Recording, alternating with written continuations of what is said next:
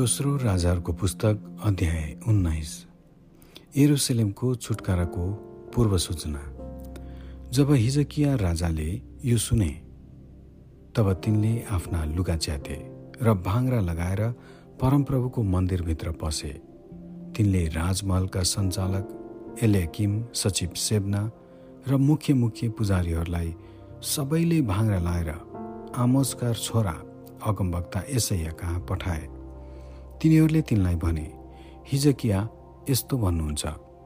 जसरी बच्चा जन्म नै लाग्दा त्यसलाई जन्माउन बल हुँदैन। आजको दिन कष्ट निन्दा र तिरस्कारको दिन भएको छ।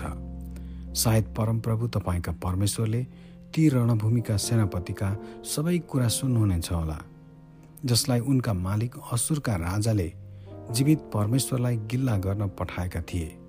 र परमप्रभु तपाईँका परमेश्वरले सुन्नुभएको कुराको कारण उहाँले उनलाई हप्काउनुहोला।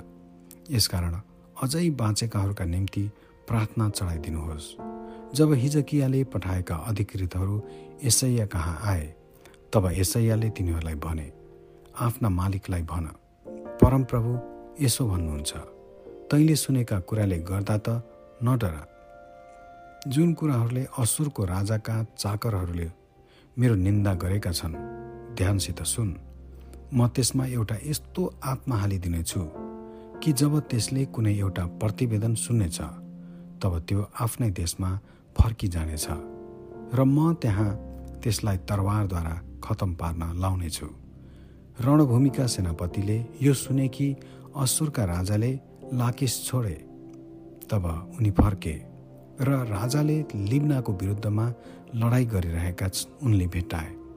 अब मिश्र देशका कुशी राजा तिर्हाका आफूसित लडाइँ गर्नलाई आइरहेका छन् भनी सनहेरिबले प्रतिवेदन पाए। यसैले उनले फेरि यहुदाका राजा हिजकियाका यसो भनेर समाचार बाहक पठाए। यहुदाका राजा हिजकियालाई भन्नु एरुसलेम असुरका राजाको हातमा पर्ने छैन। भन्ने तिमीले भरोसा गरेका देवताले तिमीलाई धोका नदेऊन् असुरका राजाहरूले सबै देशहरूलाई के गरेका छन् र तिनीहरू कसरी सम्पूर्ण सर्वनाश गरेका छन् सो तिमीले निश्चय नै सुनेकै छौ। अनि के तिमी छुटकारा पाउने आशा गर्दछौ र के मेरा पिता पुर्खाहरूले सर्वनाश गरेका जातिहरूका देवताहरूले तिनीहरूलाई छुटकारा दिए त? गोजान हारान रेसेप र तेल असारमा बस्ने अदनका मानिसहरूका देवताहरू हमादका राजा अर्पातका राजा स सपर्बेम सहरका राजा अथवा हेना वा इब्बाका राजाहरू कहाँ छन् त? हिजकियाको प्रार्थना। हिजकियाले यो चिठी समाचार वाहकहरूबाट लिए र पढे। तब तिनी परमप्रभुको मन्दिरमा उक्लेर गए र परमप्रभुको सामुन्य त्यो खोलेर राखिदिए र हिजकियाले परमप्रभुमा यो प्रार्थना चढाए। हे परमप्रभु इजरायलका परमेश्वर जो करुबहरूका बीचमा सिंहासनमा विराजमान हुनुहुन्छ। पृथ्वीका सारा राज्यहरूमा तपाईँ मात्र परमेश्वर हुनुहुन्छ। तपाईँले स्वर्ग र पृथ्वी सृष्टि गर्नुभयो। हे परमप्रभु आफ्ना कान खोलेर सुन्नुहोस्। हे परमप्रभु आफ्ना आँखा खोलेर हेर्नुहोस्। जीवित परमेश्वरलाई ठट्टा गर्न सनहेरिबले पठाएका कुराहरू सुन्नुहोस्। हे परमप्रभु यो कुरा साँचो हो। कि असुरका राजाहरूले यी जाति जातिहरू र यिनीहरूका देशहरूलाई उजाड पारेका छन्। उनीहरूले यिनीहरूका देवताहरूलाई आगोमा हालेर सर्वनाश पारिदिएका छन् किनकि तिनीहरू त ईश्वर थिएनन् तर मानिसहरूका हातले बनाएका काठ र ढुङ्गा मात्र थिए। अब हे परम प्रभु हाम्रा परमेश्वर उनको हातबाट हामीलाई बचाउनुहोस् ताकि पृथ्वीका सबै राज्यहरूले यो जानुन्। कि परमप्रभु तपाईँ मात्र परमेश्वर हुनुहुन्छ। यसैयाले सनहेरका पतनको अगमबाडी गरेका। तब अमोजका छोरा यसैयाले हिजकिया कहाँ एउटा समाचार पठाए। परमप्रभु इजरायलका परमेश्वर यसो भन्नुहुन्छ असुरका राजा सनहेरिबको विषयमा तैँले मलाई चढाएको प्रार्थना मैले सुने। त्यसको विरुद्धमा परमप्रभुले भन्नुभएको वचन यही हो। सियोनकी कन्ने छोरीले तेरो निन्दा गर्छे र तेरो गिल्ला गर्छे। त भागेर जाँदा एरुसलेमकी छोरीले आफ्नो शिर हल्लाउँछे। तैँले कसको ठट्टा र निन्दा गरिस्?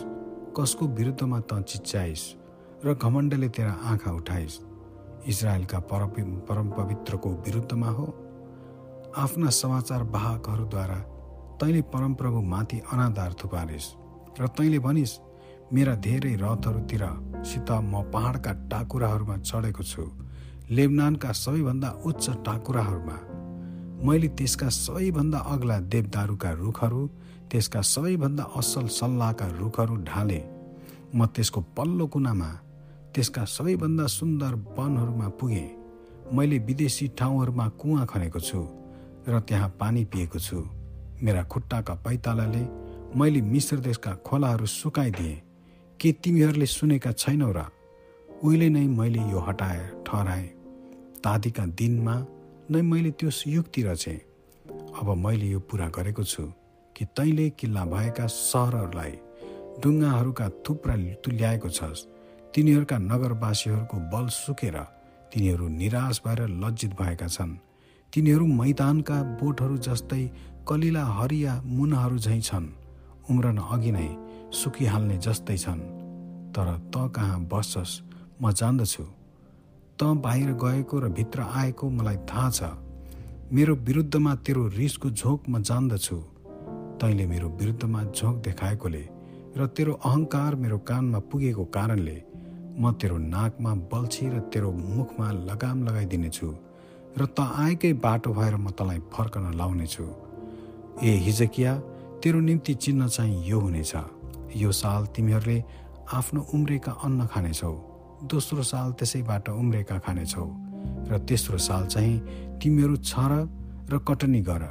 दागबारी लगाऊ र त्यसको फल खाऊ फेरि यहुदाका घरानाका बाँचकाहरूले भुइँमुनि जरा हाल्नेछन् र जमिनमाथि फल उमार्नेछन् किनभने एरुसलेमबाट एउटा बाँकी रहेको भाग र सियोन डाँडाबाट बाँचेकाहरूको एक दल निस्केर आउनेछन्। सर्वशक्तिमान परमप्रभुको जोसले यो काम पुरा गर्नेछ। यसै कारण असुरका राजाको विषयमा परमप्रभु यसो भन्नुहुन्छ त्यो यस सहरभित्र पस्ने छैन अथवा त्यसले एउटा काँड पनि यहाँ हाल्ने छैन। त्यो ढाल लिएर यसको अघि आउने छैन अथवा यसको विरुद्धमा घेरा मचान लाउने छैन। त्यो आएकै बाटो भएर फर्किजानेछ यस सहरभित्र त्यो पस्ने छैन। परमप्रभु यही घोषणा गर्नुहुन्छ। मेरो खातिर र मेरो दास दाउदको खातिर म यस सहरलाई रक्षा गर्नेछु र बचाउनेछु। त्यस रात परमप्रभुका स्वर्गदूत निस्के र तिनले असुरको छाउनीमा एक लाख पचासी हजार मानिसहरूलाई मारे।